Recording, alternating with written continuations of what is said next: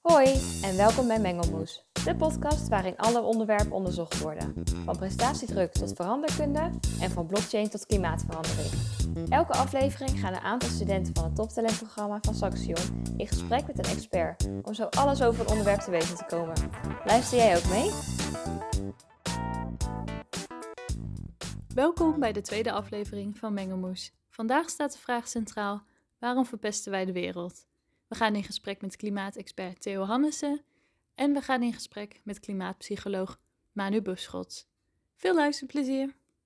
Vandaag zitten we hier op een mooie locatie midden in Amsterdam met een expert op het gebied van klimaatverandering. Ik ben Steffi van Duiten. En ik ben Deliana Comodini en wij zitten hier vandaag met Theo Hannessen en gaan het hebben over de vraag waarom verpesten we de wereld? Het ten eerste een geweldige plek om hier te wonen in Amsterdam, Theo. Ja, ik woon hier uh, al 25 jaar. We zijn uh, 25 jaar geleden vanuit uh, Nijkerk, ook een boerengemeenschap, naar Amsterdam verhuisd. Samen met, met mijn partner Jaap. En ja, we wonen hier nog steeds met heel veel plezier. Ja, dat een, kan ik begrijpen. Ja. ja. Um, nou, wil je iets over jezelf vertellen en wat ehm, jouw link is met klimaatverandering? Ja, nou, zoals ik vertelde, woon ik hier samen met, eh, met uh, mijn partner uh, Jaap. En Jaap is al vanaf zijn zestiende vegetariër. en toen ik Jaap ontmoette, toen we begin 30 waren, was het voor mij de eerste keer dat ik een vegetariër tegenkwam. en werd ik geconfronteerd met het vegetarisme. En dat heeft best invloed op ons leven gehad. Want 30 jaar geleden was het niet zo makkelijk om op vakantie te gaan en een vegetarische maaltijd uh, ergens te scoren. Ook in Frankrijk is het vandaag de dag nog steeds best wel moeilijk om een goede vegetarische maaltijd te krijgen. Uh, maar gelukkig veranderen de tijden en wordt het steeds makkelijker. maar wij, wij, hebben dus sinds we samenwonen eigenlijk altijd vegetarisch thuis gegeten. Ik, in het begin smokkelde ik nog wel eens. Maar later was het ook gewoon voor het gemak dat ik gewoon geen vlees meer ging eten. Maar ook de bewustwording bij mij kwam natuurlijk doordat Jaap mij daarvan overtuigde van joh, waarom moet je dat stukje vlees nog hebben? Uh, ben ik eigenlijk uh, voor een heel groot gedeelte vegetariër geworden. Ik wil mijzelf niet strikt vegetariër noemen, want als ik uit ga eten, wil ik nog wel eens een stukje vis eten. Ja. ja. Want ik ben wel in de uh, overtuiging dat het een keuzevrijheid is voor de persoon of je vegetariër wil zijn, ja of nee. Maar het is wel zo dat uh, de wereld zoals die vandaag de dag eruit ziet, het wel noodzakelijk uh, wordt dat we veel minder vlees gaan eten. En ja. of je dan vegetariër wil worden, moet je voor jezelf uitmaken. En inderdaad, wat is voor jou de reden geweest om helemaal vegetarisch te worden? Ja, was een boerenzoon. Uh, werd dus geconfronteerd al op jonge leeftijd met uh, hoe er in de jaren 60 al met dieren werd omgegaan. En uh, dat was toen denk ik nog wel een heel stukje beter dan dat het vandaag de dag is. Uh, want toen was de bio-industrie uh, nog niet zo groot als dat die vandaag de dag is.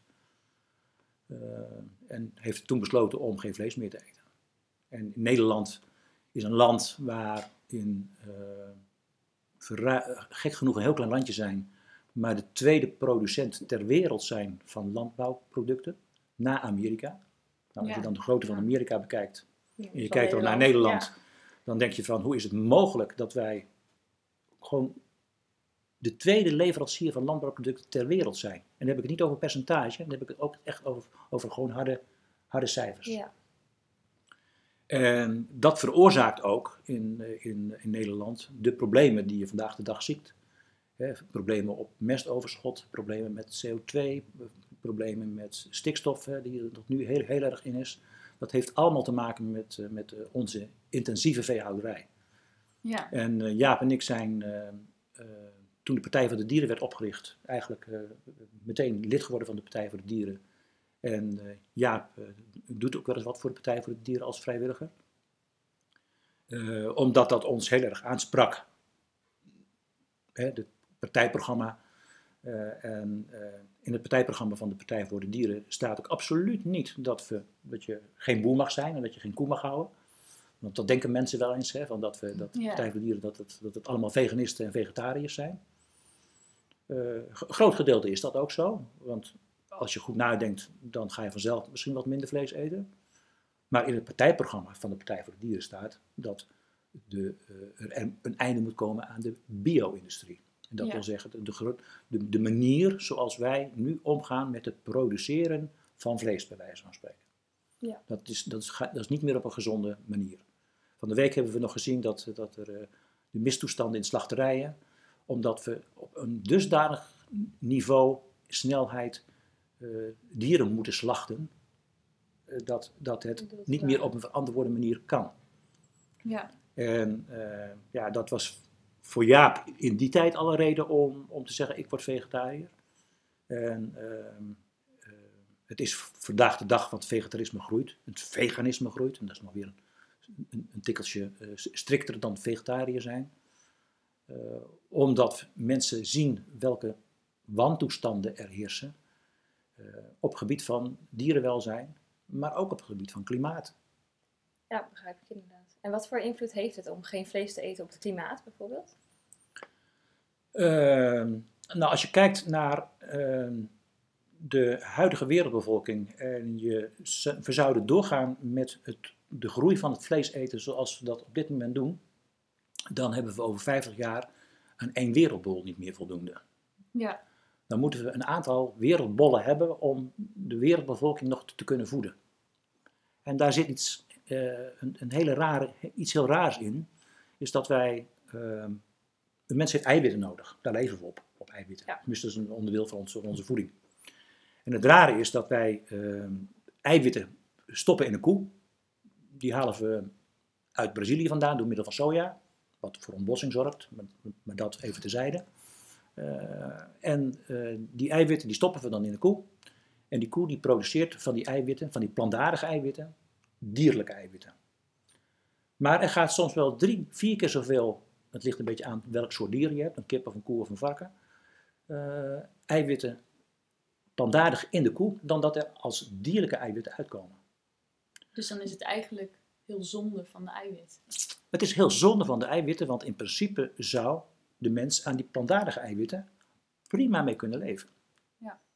Ik wil niet zeggen dat, dat beweren dat een, een plantaardig eiwit precies hetzelfde is als een dierlijk eiwit, want daar zijn over in de wetenschap ook best wel wat, wat discussies over. Dan krijg je het over hele ingewikkeld over aminozuren en dat soort zaken meer. Eh, dat voert nu een beetje ver.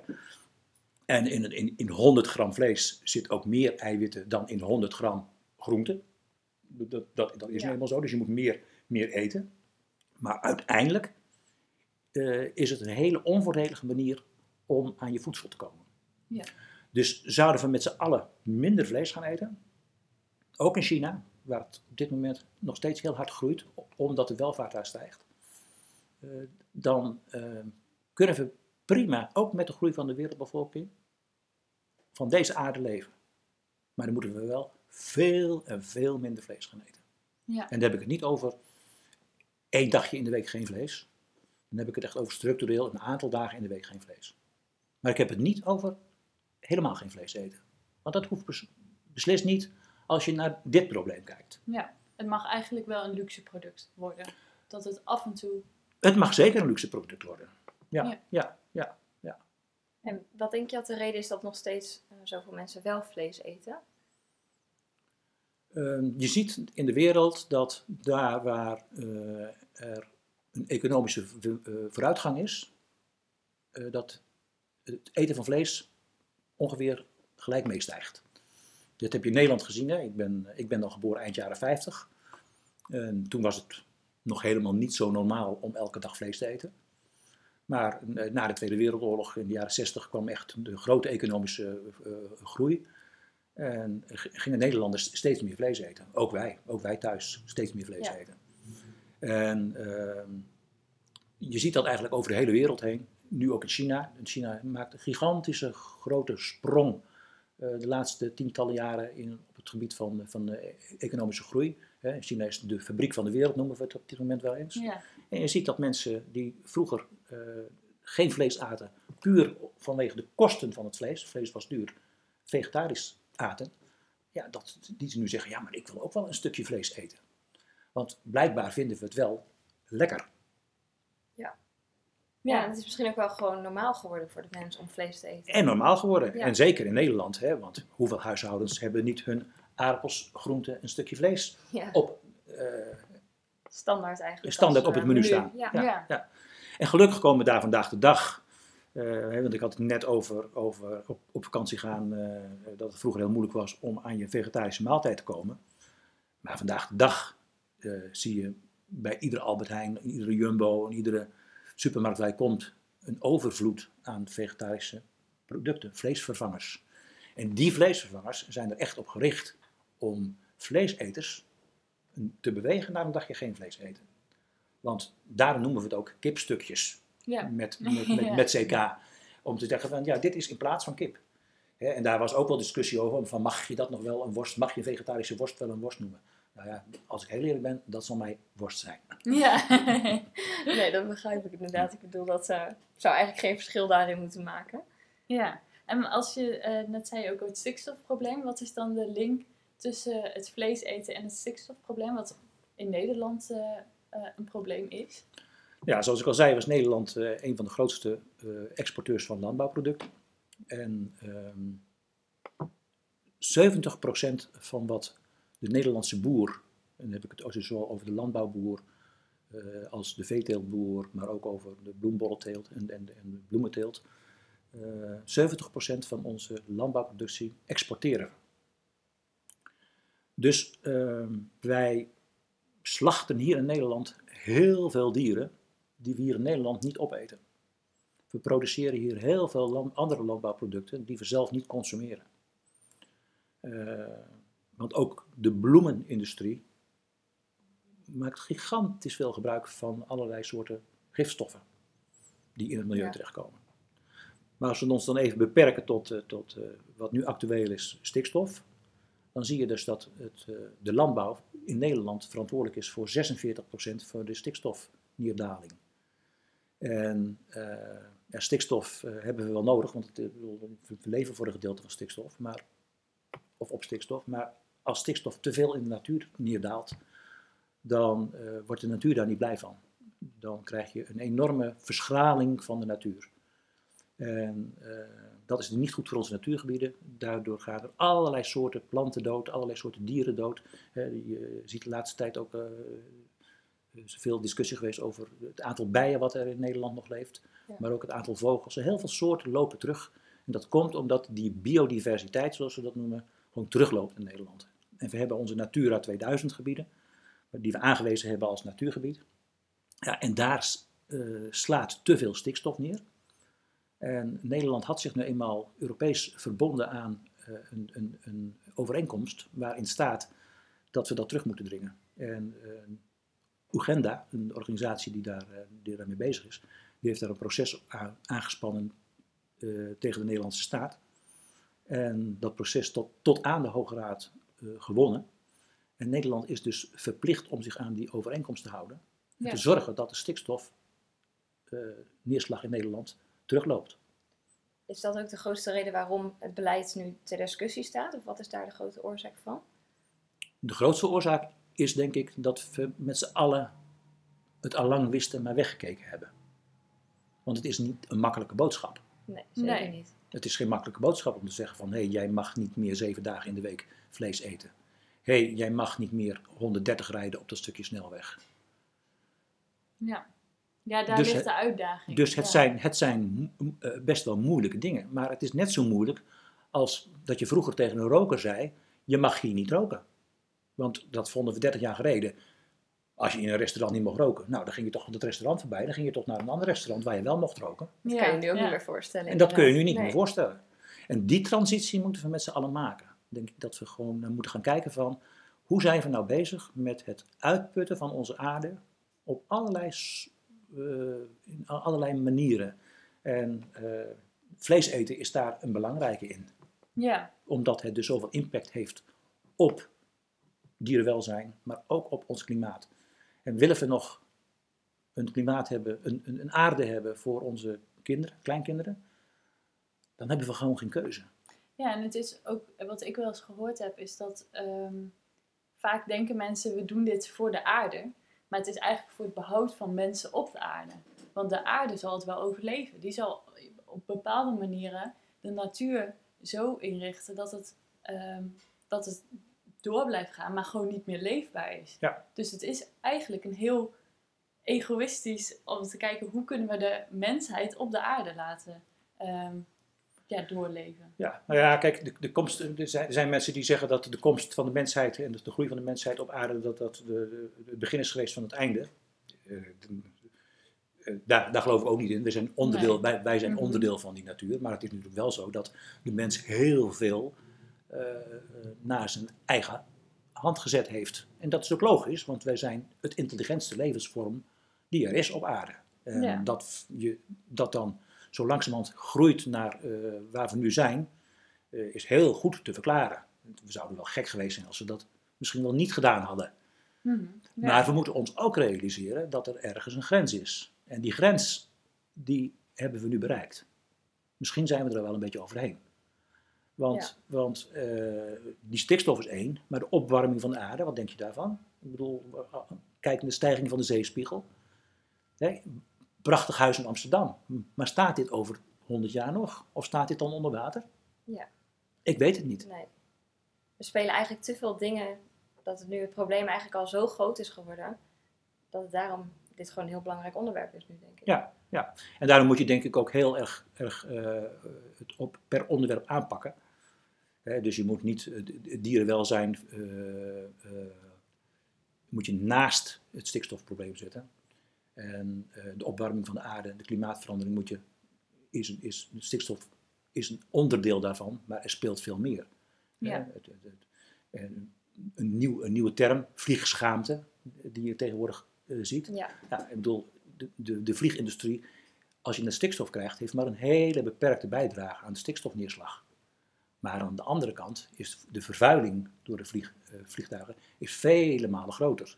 Ja. He, dus, ja. je, dus als je alleen puur naar de cijfers kijkt uh, van stikstof, uh, dan zeg je misschien van oké, okay, ik kan wel eventjes uh, naar Londen vliegen. Maar als je gewoon breed kijkt, is dat heel onverstandig. Ja. Dus we, we, zullen, we zullen met z'n allen een transitie moeten maken waarin we eh, blij zijn dat we nog op deze aarde kunnen leven. Dat we, dat we in het weekend de natuur in kunnen gaan. Maar in die natuur allerlei soorten beesten tegenkomen en, en, en, en vogeltjes tegenkomen en planten tegenkomen. Dat we dat nog, nog leuk vinden. Maar dat we ook nog voldoende lekker eten op ons bord hebben liggen. En dat hoeft dus niet altijd met een stukje vlees te zijn. Nee. Dat kan heel goed met, met iets anders zijn. En als we, als we dat zouden weten te bereiken, dan zijn we al een hele goede stap in de goede richting. Ja. En stel, er gaat inderdaad een streep door dat stikstofbeleid. Wat zullen daar dan de gevolgen van zijn? Positief en negatief misschien? Nou ja, positief, uh, tenminste als de regering nu doorzet en echt ook uh, uh, zich houdt aan de uitspraak van de Raad van State, dan moeten we dus de stikstofneerslag terugdringen. Nou, dan moeten we dus met z'n allen 100 gaan rijden. Er komen nog wel wat, wat, wat maatregelen Ja. aan. Maar de grootste uitdaging zal toch zijn om de Nederlandse boer te bewegen tot het produceren van minder stikstof. Ja. Bij het produceren van wat hij nu doet.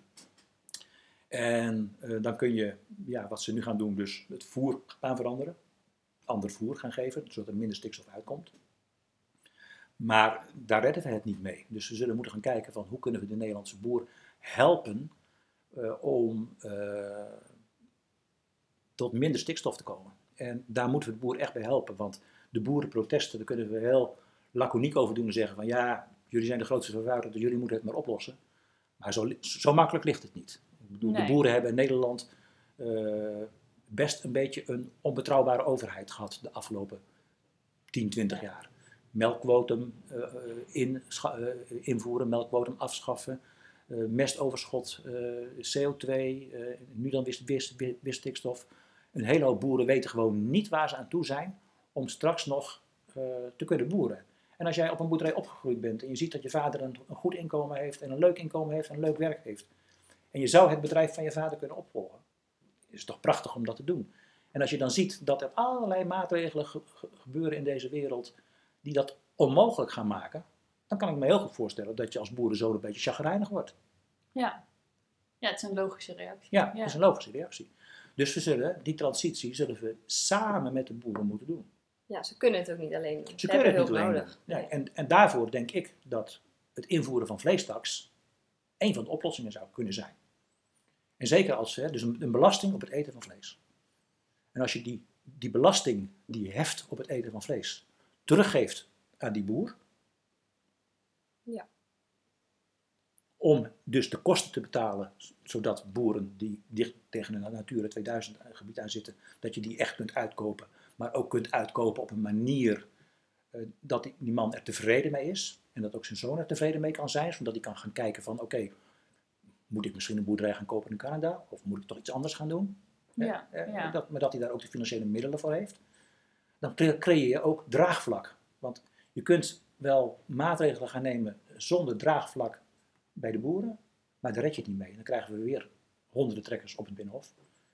Ja. Eh, Ja, en daar wordt niemand gelukkig van. En daar wordt niemand gelukkig van. Nee, Maar het blijft buiten kijf dat wel die boer een aanzienlijk aandeel zullen moeten leveren in die stikstofvermindering. Verminderen, ja. Ja, en daardoor kan iedereen eigenlijk ehm, door als consument minder vlees te eten, ook ehm, op die manier bijdragen.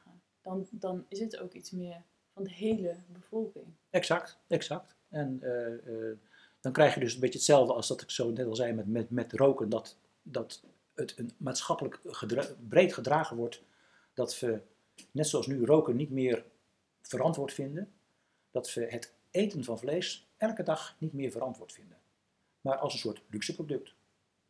En Ja. één keer in de week, of misschien alleen wel in de horeca. En dat kan je ook creëren inderdaad door die vleestaks in te stellen Ja, misschien. ja. En dan kun je ook het, het vlees anders produceren. Dan kun je ook, want dan, dan krijg je ook allerlei bijkomende zaken die, die we ook belangrijk vinden. Hè? Want een varken vindt het helemaal niet leuk om geslacht te worden hoor, na een aantal jaren. En een koe vindt het helemaal niet leuk om zoveel melk te moeten geven. We denken wel dat een, dat een koe het leuk vindt om 100.000 liter melk te geven, maar dat vindt hij eigenlijk helemaal niet leuk. In de natuur legt een kip niet elke dag een ei. Ja, Weet je wel? Dus dan krijg je ook eh, daarbij dat je, dat je zegt van oké, eh, de neveneffecten geven ook voordeel op allerlei andere terreinen. Onder Ja. andere dus dierenwelzijn. Ja, Wat voor ons dus ook heel belangrijk is. natuurlijk. Ja, Dus dat voor Jaap en mij heel belangrijk Ja. is. dat snap ik inderdaad. En wat vinden jullie dat er nu als eerste moet veranderen? Is dat inderdaad het vlees eten? Moeten we als eerste nu teruggaan naar minder vlees eten? Of zijn er al andere stappen die ook ondernomen kunnen worden? Nou ja, er zijn natuurlijk meer stappen als je. Dat ligt eraan waar je naar kijkt. Hè? Dus als je, als je naar het, totale grote probleem kijkt. eh, van, van, dus dat, dat we over 50 jaar meer wereldbevolking nodig hebben dan dat we, dan dat we eh, er nu zijn. Om de wereldbevolking te voeden. Dan heb je andere, andere maatregelen nodig dan dat je nu alleen sterk naar Nederland en het stikstofprobleem kijkt. Wat Ja. natuurlijk eigenlijk wel heel klein is. Want België heeft geen stikstofprobleem, Duitsland heeft geen stikstofprobleem. Denemarken heeft geen stikstofprobleem. Nee, Nederland heeft een stikstofprobleem. Mhm. En, en waarom hebben wij een stikstofprobleem? Dat komt door die grote, Landbouw. de, Ja. de, de grote landbouwproductie. Dus, dus eh, in Nederland zullen de maatregelen anders moeten zijn dan dat ze in Duitsland zijn. Wij zullen in Nederland die stikstof moeten terugdringen. Willen we voldoen aan die overeenkomsten. Dus eh, onze maatregelen zullen anders zijn dan bij onze buren. En- Maar breed genomen zullen we met z'n allen moeten gaan nadenken van hoe we met deze aarde willen omgaan. En daar is het eten van minder vlees of geen vlees een wezenlijk onderdeel van om bij te dragen aan een duurzame toekomst. Ja, dus dat is eigenlijk ook een beetje de samenvatting van het verhaal.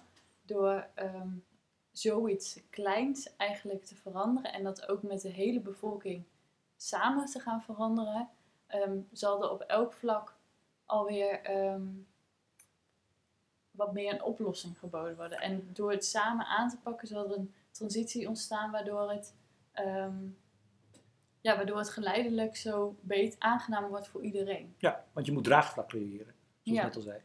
Als, je, als je tegen een, een, een eh, vooral mannen zijn vleeseters, een, eh, als je tegen een de gemiddelde man zou zeggen, jij mag morgen geen, geen vlees meer eten, dan krijg je dezelfde discussie, discussie als dat je, je mag geen rotje meer afsteken, je mag geen eh, zwarte piet meer zijn. eh, eh, dan krijg je die polarisatie die al zo, als, al zo gaande is op dit moment. Eh, dus je moet proberen eerst draagvlak te creëren en, en alternatieven te bieden die ook hoogwaardig zijn. Ja, Want dan is een mens bereid om te zeggen van oké, ik, eh, ik eh, eh, ga erover nadenken en misschien moet ik dat inderdaad wel doen. Hè, want ook obesitas, bij wijze van spreken. Dus het te dik zijn. In de jaren 60 waren de Nederlanders veel dunner dan nu. Obesitas, suikerziekte, is een gevolg van onze consumptiemaatschappij. En ook als we dus, en dat heeft niet alleen met vlees eten te maken, maar als we naar meer gaan kijken van wat is nou goed voor onze aarde, dan komen we uiteindelijk ook bij onszelf terecht. Want wat goed is voor onze aarde, is ook goed voor onszelf. Nou, en dan heb je eigenlijk een soort, dat vind ik een hele mooie term, eh, een soort circulaire economie gaat krijgen, waarbij je niet meer alleen maar kijkt naar groei van de economie, maar gaat kijken van wat hebben we nodig voor economie om met z'n allen op deze aarde leuk te leven. Ja. En dan, daar is een prachtig boek over eh, geschreven, de donut-economie, en de donut is, is rond. Ja, ja. En eh, nou, die, die, die behandelt veel breder dit waar we nu, het nu over hebben, Ja. maar dan op economisch vlak. Van dat, we, dat we eens misschien eens moeten ophouden om te zeggen van dat alles maar moet groeien in de economie. Waarom moeten we nog meer vliegen? Waarom moeten we nog meer kilometers maken? Waarom moeten we nog meer dit, nog meer dat? Ja, altijd nog Wa- beter. Precies. Ja. ja. Waarom, hebben we niet, genoeg. Ja. precies, waarom hebben we niet op een gegeven moment het niveau bereikt dat het goed is, dat de economie kan draaien, dat we allemaal gelukkig zijn, dat we allemaal te eten hebben en dat de dieren en de aarde ook nog blij is. Ja, Ja, dat vind ik Ja. inderdaad een, eh, een mooi einde. Ja, ja, een Ja. mooie afsluiter inderdaad. Nou, Theo, ik wil je in ieder geval heel erg bedanken voor het gesprek en bedankt voor je toevoeging ook via deze woorden en eh, ja, deze Uitleggen. onderwerpen ook over het Ja. klimaatverandering. En, eh, wij zijn zeker een stuk wijzer geworden, denk ik. Ja. hiervan. Dus eh, nou, heel erg bedankt hiervoor. nou graag gedaan. En dan nu ons standaard topic, een mengsel van meningen, waarin we het onderwerp van deze podcast ter discussie stellen. We hebben aan verschillende mensen gevraagd hoe zij in het dagelijks leven betrokken zijn bij klimaatverandering. Oké, Ik ben in het dagelijks leven niet eh, bewust betrokken bij klimaatverandering. Dit, omdat ik er denk ik ook niet zo heel veel over na heb gedacht van tevoren. eh, hoe ik daarmee bezig zou kunnen zijn. Hmm, ja, steeds meer. Ehm, vroeger ja, was het iets waarvan ik dacht, nou daar heb ik eigenlijk heel weinig invloed op. En in nu, eh, vorig jaar heb ik besloten eigenlijk bijna geen vlees meer te eten. Ook vond ik het heel zielig voor de dieren, maar ehm, meer omdat ik dacht, ja, als we allemaal zoveel vlees gaan eten en meer en meer en de wereldbevolking wordt groter, dat, dat gaat vooral met het klimaat niet goed. Dus ehm, dat heb ik besloten. En ik reed nog een eh, hele foute diesel. En ik wist wel, zodra ik een nieuwe auto koop, dan koop ik, eh, ik dacht een elektrische auto. Dat is het uiteindelijk toch niet geworden. Maar ik maak wel, het is ook geen diesel meer geworden. Dus ik, ik, bij die nieuwe dingen kopen, neem ik dat aspect wel mee. Ja, dus zo ben ik ermee bezig. Duurzaamheid is altijd goed. Ga goed met je grondstoffen om. Denk na wat je doet. Denk na aan wat je in je lichaam stopt. Want alles voedsel wat tegenwoordig geproduceerd is, aan de ene kant veilig, maar is aan de andere kant allemaal gemanipuleerd. Ja. Want het is geen, want we zitten met z'n allen aan de margarine, maar niet meer aan de roomboter. Waarom? Omdat roomboter vetter is dan margarine. Maar roomboter is een natuurproduct en margarine niet. Nee. Dus wat is dan duurzaam? Eh, in mijn dagelijks leven ben ik eh, matig betrokken bij klimaatverandering. Eh, ik vind het wel belangrijk, ik denk er wel over na. En eh, ik ben ook wel bezig met afvalscheiding en dat soort dingen. Aan de andere kant rijd ik wel weer een auto die niet heel eh, zuinig is. Of, eh, dus, eh, en ik zie ook wel om me heen dat het steeds belangrijker wordt. En dat sommige mensen er ook wel een beetje in doorslaan, waardoor die, de acceptatie ervan. Als je kijkt naar bijvoorbeeld vegans en wat die ook oproepen bij niet-vegans, dat kan best wel tot agressie leiden. Dus je krijgt een beetje tegenstellingen in, eh, in de maatschappij tussen mensen die er eh, misschien overdreven mee bezig zijn en mensen die er helemaal niet mee bezig zijn. Maar ik denk dat het echt iets is wat we niet meer kunnen negeren en waar we echt wel mee bezig blijven. We hebben ook aan de twee experts, Theo en Manu, gevraagd wat wij als burgers nou kunnen doen om het klimaat te verbeteren. In Amsterdam zijn een aantal datacentra gebouwd. Hè? Als je zien, ziet wat die aan energie vreten, aan stroom dus. Hè? Dus gewoon ook, ook groene stroom hè? eten. Ja. Eh, omdat wij allemaal maar onze, in, alles in de cloud opslaan. Ik bedoel, je, je e-mail staat in de cloud, je, je, je, je databestand is in de cloud, je foto's zijn in de cloud, alles staat in de cloud. En eh, alleen al het leegmaken van je e-mailbox, echt leegmaken, dus niet je mailtje naar de, prullenmand gooien, maar je, maar je prullenmand ook leegmaken, dan verdwijnt er dus data van die server. En als iedereen dat zou doen, want mensen vergeten dat, die gooien wel in de prullenmand, maar vergeten de prullenmand leeg te maken, Dat zou al helpen. En dat is eigenlijk iets heel kleins. Dat is iets heel kleins. Ja. En het, ik bedoel misschien ook wel niet uit te drukken in hoeveelheid dat zal bijsparen. Nee. Maar, maar zo zijn er heel veel dingetjes die we dus wel kunnen doen. Nou, wat kunnen we als burgers doen? Wij hebben het bij klimaatgesprekken over de voetafdruk en over de handafdruk. De voetafdruk is gewoon de impact die je zelf maakt op het klimaat. En dan wil ik iets anders vertellen dan de clichés van minder vlees en minder vliegen. Ehm, en dat is bijvoorbeeld ehm, switch naar een, eh, naar een duurzame bank. Wat er met je geld gebeurt, eh, heeft heel veel invloed op nou ja, de, de wereld ook. Dus dat is even een extra tip. Groene stroom of een groene, groene bank ehm, maakt al heel veel uit. Dat is je voetafdruk. Maar je handafdruk is ook belangrijk. Praat er met anderen over. Deel dat je het belangrijk vindt. Op je werk, eh, in je familie, met je vrienden.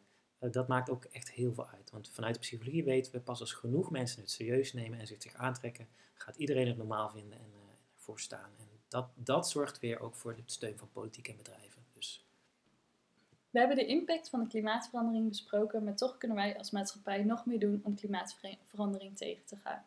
Vandaag zijn we in Apeldoorn te gast bij klimaatpsycholoog Manu Buschot. Ja, we zullen vandaag bespreken waarom het voor veel mensen nog steeds lastig is om in beweging te komen en actie te ondernemen voor het klimaat. Manu Buschots, wil je misschien iets vertellen over jezelf en wat je link is met klimaatverandering? dat is prima.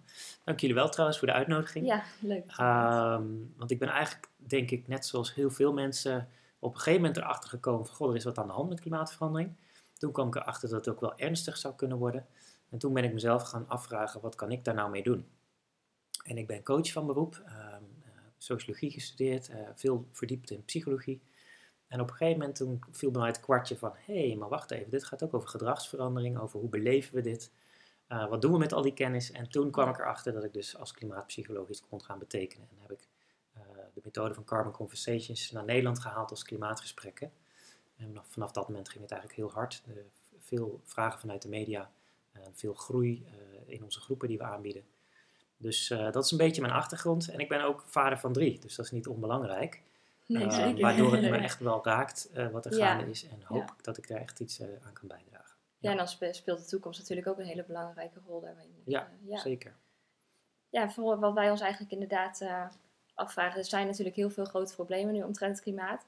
En veel mensen weten dat er dingen moeten gaan veranderen. En dat we zo niet verder kunnen gaan. Ehm, maar wat maakt het dat mensen niet meteen in hun leven eigenlijk een beetje drastisch om gaan gooien. En Mhm. denken van, goh, we moeten hier nu echt wat tegen gaan doen. Ja, nou, er zijn wel een paar eh, redenen voor te bedenken. Ik denk allereerst dat eh, weinig mensen, eh, denk ik, weten hoe het echt zit. Uh, hoe, hoe, hoeveel voor 12 het eigenlijk Ja. is, of hoeveel na 12 het misschien wel is. Omdat we toch beïnvloed worden door de nieuwsberichten. En er zijn natuurlijk verschillende politieke partijen die verschillende dingen roepen. Ehm, ja, en dat is niet per se wat de wetenschappers zeggen. Ja. Ehm, dus, en ja, wetenschappers die communiceren dan weer een beetje taai. Als je kijkt naar de IPCC, nou alleen al zo'n afkorting. En die hebben dan weer RCP 8.5 en al die scenario's. Dat spreekt eigenlijk niet zo tot de verbeelding. Sterker Nee. nog, wat de meeste mensen weten is van nou, we moeten binnen de anderhalf tot twee graden blijven. Ja, Ja, en psychologisch gezien, ja, wat is er nou mis met anderhalf graadje warmer in de zomer? Is toch lekker? Ehm, Ja. Of in de winter niet, niet handschoenen dragen. Dus, toch, dus eigenlijk geen probleem, denk qua gevoelswaarde, hè, van waar hebben we het nou eigenlijk over en wat is er aan de hand, ehm, wordt dat dan lastiger.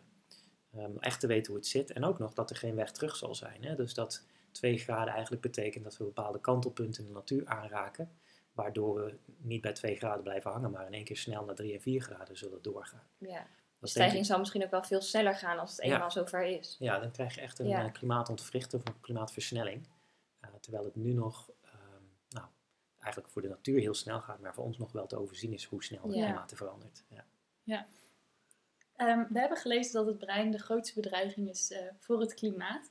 Kunt u eh, verder toelichten waarom dit zo is en of u daar Ja. mee eens bent? Ja, ehm, ja dat, dat ben ik het eigenlijk heel erg mee eens. Want eh, voor, een- om een probleem op te lossen heb je een aantal dingen nodig. Hè. Je moet weten wat het probleem is. Nou, die kennis is eigenlijk al 30, 40 jaar geleden heel duidelijk geweest. En alleen de mate van zekerheid is nog groter geworden. Ja. Dan moet je weten wat de oplossingen zijn. Nou, die, die technologie is er. Ook steeds makkelijker, steeds goedkoper. Ehm, je zou je gedrag kunnen veranderen. Ook dat kan. Dus ja, wat is dan het probleem? Waarom zijn we dit niet aan het oplossen?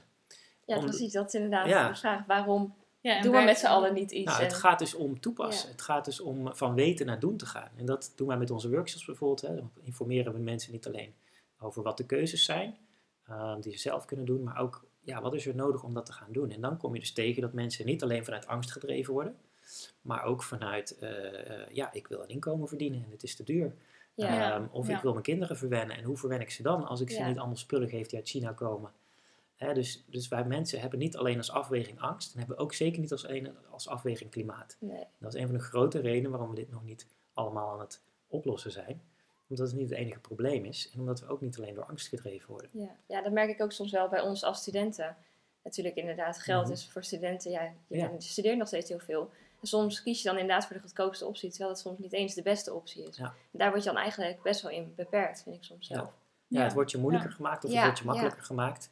En eh, het feit dat er eh, nou, denktanks zijn geweest die gefinancierd zijn door de olielobby, die er ook nog een beetje twijfel zaaien, ja, die maken het dan Mhm. wel heel erg verleidelijk om te zeggen, nou, weet je wat, mij, eh, het zal wel niet zo'n vaart lopen of mijn eigen klein stukje doet er niet zoveel toe. Ja. En dat En, zijn eigenlijk ja. weer beschermingsmechanismes vanuit de psychologie. Dat je probeert te relativeren ehm, hoe erg het is of hoe erg jouw aandeel is. Ja. Ja, en is het ook niet ehm, dat veel mensen dat het nog een soort van het een te groot probleem is? Of, Ja. En dat mensen het nog eh, proberen te ontkennen. Ja. En dat, dat het daarom, eh, ja, dat mensen zoiets hebben van, "M- moet ik nu iets gaan doen? Omdat het Ja. nog te ver weg is misschien. Klopt. Terwijl het eigenlijk al Ja. heel dichtbij is. Nou, Je ziet in onderzoek bijvoorbeeld dat de mensen die het meest geneigd zijn om zelf in actie te komen voor klimaatverandering, die zijn ervan ook van overtuigd dat het hen persoonlijk zal raken. Ja. En dat is er lang het probleem geweest als het gaat over de communicatie rondom klimaatverandering. Want heel lang was de ijsbeer het symbool. Nou, Ja. sommige mensen vinden dat heel erg, maar er zijn ook een heleboel mensen die denken, ja, laat die ijsberen lekker eh, hun gang gaan. Ja. En ondertussen eh, eh, vier ik mijn feestje wel. Ehm, dus het is van belang dat we, dat we merken van nou, het gaat om ons. eh, en niet alleen over de kinderen, maar het zal ook onze generatie raken. Ehm, eh, maar het gaat ook om ehm, ja, dat we het niet alleen hebben over angst. En dat we, dat we het ook hebben over, over eh, wat levert het ons op. Dus wij zeggen bijvoorbeeld ook vanuit klimaatgesprekken van je moet het niet hebben over minder vlees eten. Je moet het hebben over lekkere vegetarische dingen uitproberen en ontdekken. Ja. Ja, dat is heel anders. Het gaat niet alleen over de boodschap, maar het gaat ook over het handelingsperspectief. Ja, en ook de manier van Ja. brengen eigenlijk. Ja. Dus het positief brengen eigenlijk. Ja, want veel mensen zijn ook gewoon er niet bekend mee. Ja. Toevallig heb ik nu inderdaad deze week is, eh, Nationale Week zonder Ja, vlees. Dus ja. wij doen ook mee met ons gezin inderdaad. Ja. En je leert nu gewoon al veel meer ja, gerechten ook kennen die je inderdaad ook gewoon elke week zou kunnen eten. Ja. Maar je gewoon niet mee bekend bent eigenlijk. Ja, precies. Ja, Dus ehm, Ja. wat ik ook wel eens zeg is dat voor verandering ehm, hebben we handelingsperspectief nodig. Hè? Dus je moet weten wat dan wel. Ik begeleid ook als coach mensen in een loopbaan en die zijn al jaren niet zo gelukkig met hun baan. Maar die zeggen ja, maar ja, wat dan wel? Weet Ja. je, totdat je een alternatief hebt. Mhm. een andere studie Ja. of een andere baan, dan, dan kom je niet in beweging. En wat ook belangrijk is om niet alleen over angst te hebben, hè, klimaat is een probleem, maar over kansen. Ehm met bijvoorbeeld de drieslag van hè, hoe kunnen we het gemakkelijk maken, genieten en gewoon. Zijn drie psychologisch hele belangrijke dingen. We, gaan meestal voor die dingen die gemakkelijk zijn, waarvan we genieten en die gewoon zijn. Ja. Ja. Als je als enige iets doet, dan voel je toch al snel een beetje gekke Henkie. eh, ja, ehm, of, of sociaal ongemakkelijk van, oh, ze zullen wel iets van mij vinden. ja. Ehm, dus, dus dat zijn net zo belangrijke factoren als hebben we de technologie wel, weten we wat het probleem is en hoe erg is het eigenlijk. Ja. Ja. Is het misschien ook wel dat mensen het ehm, ja, niet misschien durven, maar toch misschien ja, niet durven actie te ondernemen of durven Ja. uit te spreken inderdaad dat ze iets willen doen tegen die klimaatverandering? Ja, hoe dat- bedoel je dat? Nou, zoals ik merk wel bij mij in de klas bijvoorbeeld, dat heel veel, eh zoals pas keken we toevallig een documentaire inderdaad Mhm. over klimaat en vooral eh, ja, het welzijn van de dieren. Ja. Eh, maar dat best wel veel inderdaad toch nog zeggen van, eh, ja, maar het heeft voor mij er nog niet zoveel mee te maken en dat is ver weg. En Ja, eh, dat de anderen dat dan automatisch na gaan zeggen eigenlijk. En dat mensen niet meer echt hun eigen mening durven te vertellen, denk ik. Ja dat, eh, dat, eh, dat ben ik wel met je eens. Hè. Dus dan zie je twee dingen. Eén is van het een klein beetje van je af proberen te houden. Want als je je echt verdiept in klimaatverandering en je laat die kennis toe in je hart, ja, dan, dan schrik je heel erg. Dan, dan, dan is het gewoon beangstigend. Ehm, ehm, dat wil niet zeggen dat je alle hoop hoeft te verliezen, maar de kansen zien er niet goed uit op dit moment. Nee. Ehm, dus wat we doen, is, is dat liever niet ervaren. En dan zeggen we dingen als van de, de regering zal het wel oplossen, of het wordt overdreven. Eh, dus we hebben allerlei beschermingsmechanismes waardoor we zeggen van, nou oké, zo erg kan het toch hopelijk niet zijn, of dat niet te hoeven voelen. Dat is wat je vertelt. Hè. En het tweede, wat we natuurlijk ook geneigd zijn om juist bij onveiligheid, juist bij angst, zijn we geneigd als mensen om naar elkaar toe te trekken. Om, ehm, om steun bij elkaar te zoeken of te kijken van eh, hoe doen de anderen het. Om ook het risico te kunnen inschatten. Ja, Ja. precies. Er zijn klassieke psychologie-experimenten voor. Die, die zetten iemand in een kamer waar rook onder de deur vandaan komt. En als andere mensen dan zich ook iets aantrekken van de rook, dan is iedereen binnen 20 seconden weg. Zo van, nou, het is hier niet veilig. Maar als de mensen in het experiment eigenlijk onder één hoedje spelen en doen alsof er niks aan de hand is, dan zie je dat mensen zich heel ongemakkelijk beginnen te voelen. Heel erg dubbel beginnen te voelen, maar vervolgens gewoon blijven zitten. Ja. Omdat ze denken, van, ja, ik zal wel gek zijn. Of, of ik, ik wil niet afwijken van de groep. Straks gaan ze mij gek. Nou ja, Ja, echt hè, dus je gaat twijfelen aan jezelf of je gaat je onveilig voelen in de groep. En dat is ook met klimaatverandering nu aan de hand. Dat we mensen die bezorgd zijn over het klimaat in de straat op gaan, die noemen we nog steeds klimaatactivisten. Dus die worden in een Mhm, soort van groepje neergezet. Terwijl je ook zou kunnen zeggen, nou dat zijn burgers die de wetenschap accepteren. En de rest heeft of te weinig tijd of, of, of nou ja, wil er geen moeite voor doen. Of, of wat de reden ook is om niet de straat op te gaan. Maar dus het, ja, hoe, hoe zit ik in de groep? Hè? Dat is heel belangrijk. Ja. Ehm, vandaar dus eh, dat wij ook zeggen bij klimaatgesprekken willen het een nieuwe normaal maken. Het is eigenlijk normaal om je er iets van aan te trekken en mee bezig te zijn. En ja, je doet wat moeilijk of je wijkt af als je dat niet doet. Of het is een beetje ouderwets. Dat is misschien nog het leuke manier om te brengen. En dat, Ja. dat zie je misschien ook wel, dat er wel een soort verandering al plaatsvindt. Dat steeds meer mensen vliegschaamte hebben Mhm. bijvoorbeeld. Dat ze eigenlijk ehm, ja, niet, niet meer uit durven te komen dat ze gaan Ja. vliegen bijvoorbeeld. Of Ja. dat ze dat minder gaan doen. Ehm, en dat is eigenlijk dus de verandering wat, wat je graag wil. Dat je wat je graag wil zien. Ja, nou ja, het maakt in ieder geval bespreekbaarder.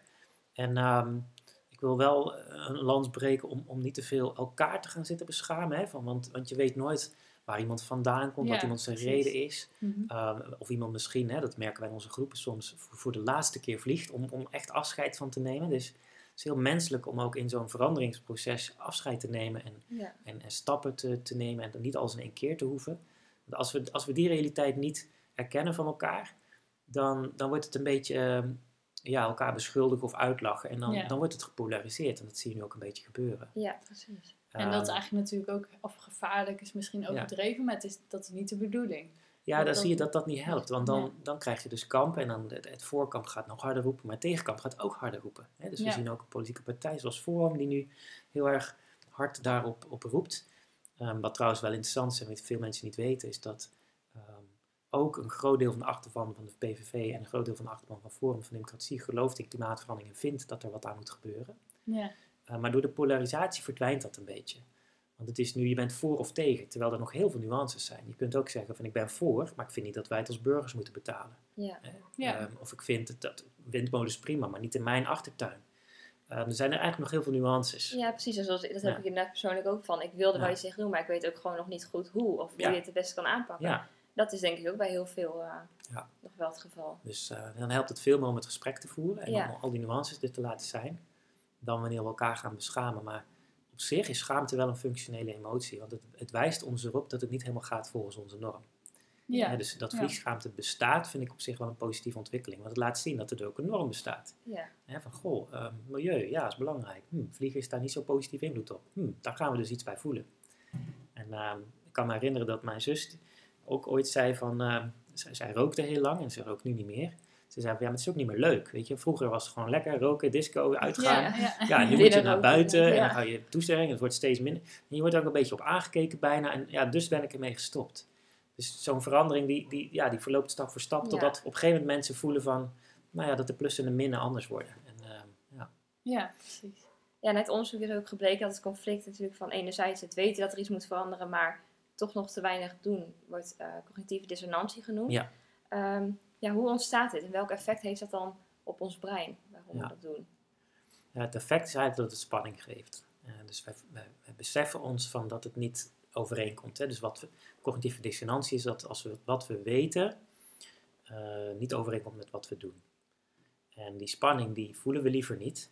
En als het makkelijk is om dat doen aan te passen, dan zullen we ons doen aanpassen. En denken, oh wacht even, het is beter voor me als ik niet te veel snoep. Maar als het moeilijk is om dat doen aan te passen, dan zullen we ons brein aanpassen. En dan zeggen we, eh, ja, maar één keertje kan toch wel snoepen. Ja, precies. Ja, dus het werkt twee kanten op. Ja. Ehm, dus hoe makkelijker we het doen maken en hoe gewoner we het doen maken, hoe meer we geneigd zullen zijn om alles wat we weten over klimaatverandering ook gewoon te accepteren. Andersom ook. Eh, als het heel, heel duur of heel gek of heel erg eh, ingewikkeld of zo gemaakt wordt, dan zullen we geneigd zijn om onze beschermingsmechanismes te gebruiken om die spanning niet te voelen. En dan gaat het over, ja, maar ik doe al genoeg, of ik compenseer, of ik, eh nou, noem eigenlijk alles maar op, hè, wat je ook in de discussie hoort. Ja. Ja. Ja, en dat compenseren, is dat eigenlijk ja, niet per se goed, maar Mhm. hoe wordt dat gezien? Helpt dat? Vraag ik me dan af. Ja. Als je iets minder doet van het een, maar het andere wel blijft doen. Ja, nou, ik, ik wil daar wel twee dingen over zeggen. Ehm, op het moment dat je in een brandend huis staat en je vraagt aan mij van helpt het als ik hier nu een glaasje water tegenaan gooi, dan zeg ik ja, zeker het helpt. Het is beter dat dan dat je geen glaasje water tegenaan gooit. Ja. Maar als je kijkt naar het grotere plaatje, dan gaan we er met compenseren echt niet komen. Nee, Want wat we eigenlijk met compensatie doen, is het verschuiven van de uitstoot naar de toekomst of naar andere landen. En als iedereen het zou doen, dan hebben we nooit genoeg bomen of, of alternatieven voor die, voor die compensatie. Dus dat is sowieso al geen oplossing. En eh, wat ik denk is dat de situatie wel eh, eh, ja, groot genoeg is en ernstig genoeg is om, om naar oplossingen te kijken die echt gaan werken. En compensatie gaat gewoon nooit echt werken. Als heel Nee. Nederland voor zo'n vluchten zou compenseren door middel van bomenplanten, dan hebben we geloof ik een bos nodig dat vier keer zo groot is als Nederland. Nou, dat raak dat maar ja, ergens kwijt in. Europa. Ja, ja. Ja, En dan heb je nog niet eens over de andere landen nagedacht. Dus het vraagt echt iets anders van ons. Maar dat is natuurlijk moeilijk, want dan is het van, ja, maar hoe doe ik dat dan met mijn werk? Of, of Ja. hoe doe ik dat dan met die geweldige vakantie? En ik wil de zon zien in de winter. Ja, en die vragen zijn belangrijk om jezelf te stellen. Ja. Waarmee ik dus niet wegneem dat, kijk, als je op het moment nu reist en je compenseert zich, nou top, vooral mee doorgaan. Maar Ja. realiseer je wel dat het een glaasje water is en dat er veel meer nodig is. En dat is, ja, vroeg of laat, ik zeg altijd maar linksom of rechtsom, gaat de situatie veranderen. Ja. Of klimaat ontwricht zo dat je niet meer naar Spanje kunt omdat het daar een woestijn is. Hè, dus dan staat je vakantie ook op het spel. Of niet meer naar de koraalriffen in Australië omdat ze gebleekt zijn. Hè. Een heleboel leuke vakantiebestemmingen worden negatief beïnvloed door klimaatverandering. Ja. Of, en daar hoop ik op, ehm, we gaan met elkaar bedenken hoe we klimaatvriendelijker kunnen reizen. En wat nou echt belangrijk is aan vakantie. En, eh, en daar veel meer een manier voor vinden om dat te doen, daarvan te genieten. da- da- daar daar ja, op een leuke manier met elkaar uit, te kunnen wisselen. Van hé, hey, ik ben daar geweest, ik heb dat gedaan. Ja. En dan, nou, dan doen we Ideeën aan elkaar geven, inderdaad. Ja, ideeën aan elkaar geven. En, eh, En dat vond ik ook wel Ja. heel eh, mooi hoe je dat eh, in een andere eh, Mhm. podcast die ik geluisterd heb, Ja. zei van eh, we willen eigenlijk het feestje langer laten duren. Ja.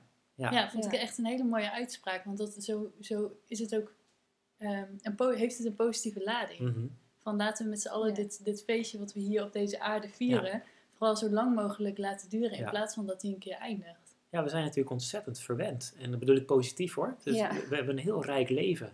Uh, je hoeft alleen maar te kijken naar mensen in andere landen. Ehm, maar ook ten opzichte van onze ouders of onze vo- voorouders.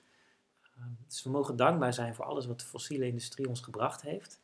Ehm, en tegelijkertijd moeten we reëel zijn dat dat feest dus nu gaat ophouden. Eh, ooit zeiden ze al, de olie raakt op. En nu weten we, nou, nog voordat de olie opraakt, raken de grenzen van onze planeet eh, op. Dus Ja. dat, dat is goed om te beseffen en om, om nou, dat zo, zo lang mogelijk die, die, die welvaart gewoon eh, van te genieten. Ehm, en ook op een andere manier een invulling te gaan zoeken. Ja. Ja. En eh, als ik het even samenvattend vraag, ehm, Mhm. waarom denk je dat wij dan de wereld alsnog verpesten op deze manier? Ja. Omdat niemand individueel voelt dat hij, aan, dat hij dat aan het doen is.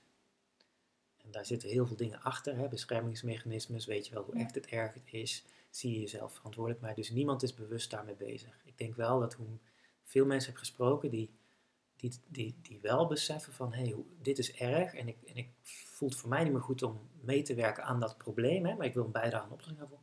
Dat die dus wel veranderen. Dus het is ook een beetje een grote uitspraak. Hè? Waarom verpesten we Ja. de wereld? Nee, Want ik denk dat er ontzettend veel dingen mee bezig, mee bezig zijn. En ook als je kijkt naar het klimaatakkoord van Parijs, is eigenlijk in de geschiedenis van de mensheid is dat heel bijzonder. We hebben maar twee verdragen die zo duidelijk voor alle landen gelden. Ja. We hebben het verdrag van de rechten van de mens, we hebben Parijs. Waarbij iedereen ehm, meedoet en, en, en zelfs tegen eigen belangen in soms. Hè. Er zijn zelfs olielanden die daar ook ondertekend Mhm. hebben. Dus ja, ik wil toch een beetje nuanceren dat we met z'n allen de wereld aan het verpesten zijn. We zijn ook met z'n allen tegelijkertijd aan het zoeken naar oplossingen. We hebben al een hele Ehm, verandering doorgemaakt ook ja. al met Ja. jaren geleden Ja, natuurlijk. cultureel gezien gaat het ontzettend snel. Ja. Alleen ja, de wetenschap hijgt ons in de nek. Moet En die, zegt, die zegt van ja, Ja. maar het moet nog sneller. Het is ja. nog niet genoeg. Ja. Nee. Dus, eh, Maar in principe, het is niet zo dat we... ehm, helemaal slecht bezig zijn, inderdaad. Laten we het positief Nee, er is eh, natuurlijk, een, nee. eh, is natuurlijk een mooi boek van Rutger Bregman over de meeste mensen deugen. ja. En dat, eh, dat is ook zo bij klimaatverandering. Ehm, dus, eh, ik denk dat het laatste onderzoek eh, laat zien dat 80 tot 90 procent van de mensen eh, vinden het belangrijk, erkennen dat het gebeurt en willen het Ja. ook dat er iets aan gebeurt. Hè, die- dus, eh, maar dat is we, het belangrijkste. we weten het niet genoeg ja. van elkaar omdat het zo'n ingewikkeld onderwerp is om over te praten, omdat we bang zijn voor de polarisatie. Ja, omdat we van mening kunnen verschillen over de manier waarop. Ehm, maar goed, dat is het willen. Dat is eigenlijk de Ja. grote meerderheid. Dus ja, Nou, dat is een positief einde in ieder Ja? geval. oké, fijn. Maar dan wil ik je in ieder geval bedanken dat je vandaag eh, met ons dit gesprek wilde voeren. Ja. En ook eh, jouw kennis aan ons wilde vertellen. Ja, Bedankt dus, voor de uitnodiging en ik hoop dat er, eh, dat er veel geluisterd gaat worden en dat jullie ook Ja. zo weer je bijdrage hebben geleverd. Ja, Ja, dat hoop ik ook. Dat ook wel. hè? Super. Ja. Ja. Dankjewel. Dankjewel. Vond je dit een leuke podcast? Luister dan elke twee weken naar een nieuwe aflevering van Mengelmoes. Voor meer informatie over ons toptalentenprogramma kan je ons volgen op Instagram hp.ibc. Tot de volgende keer!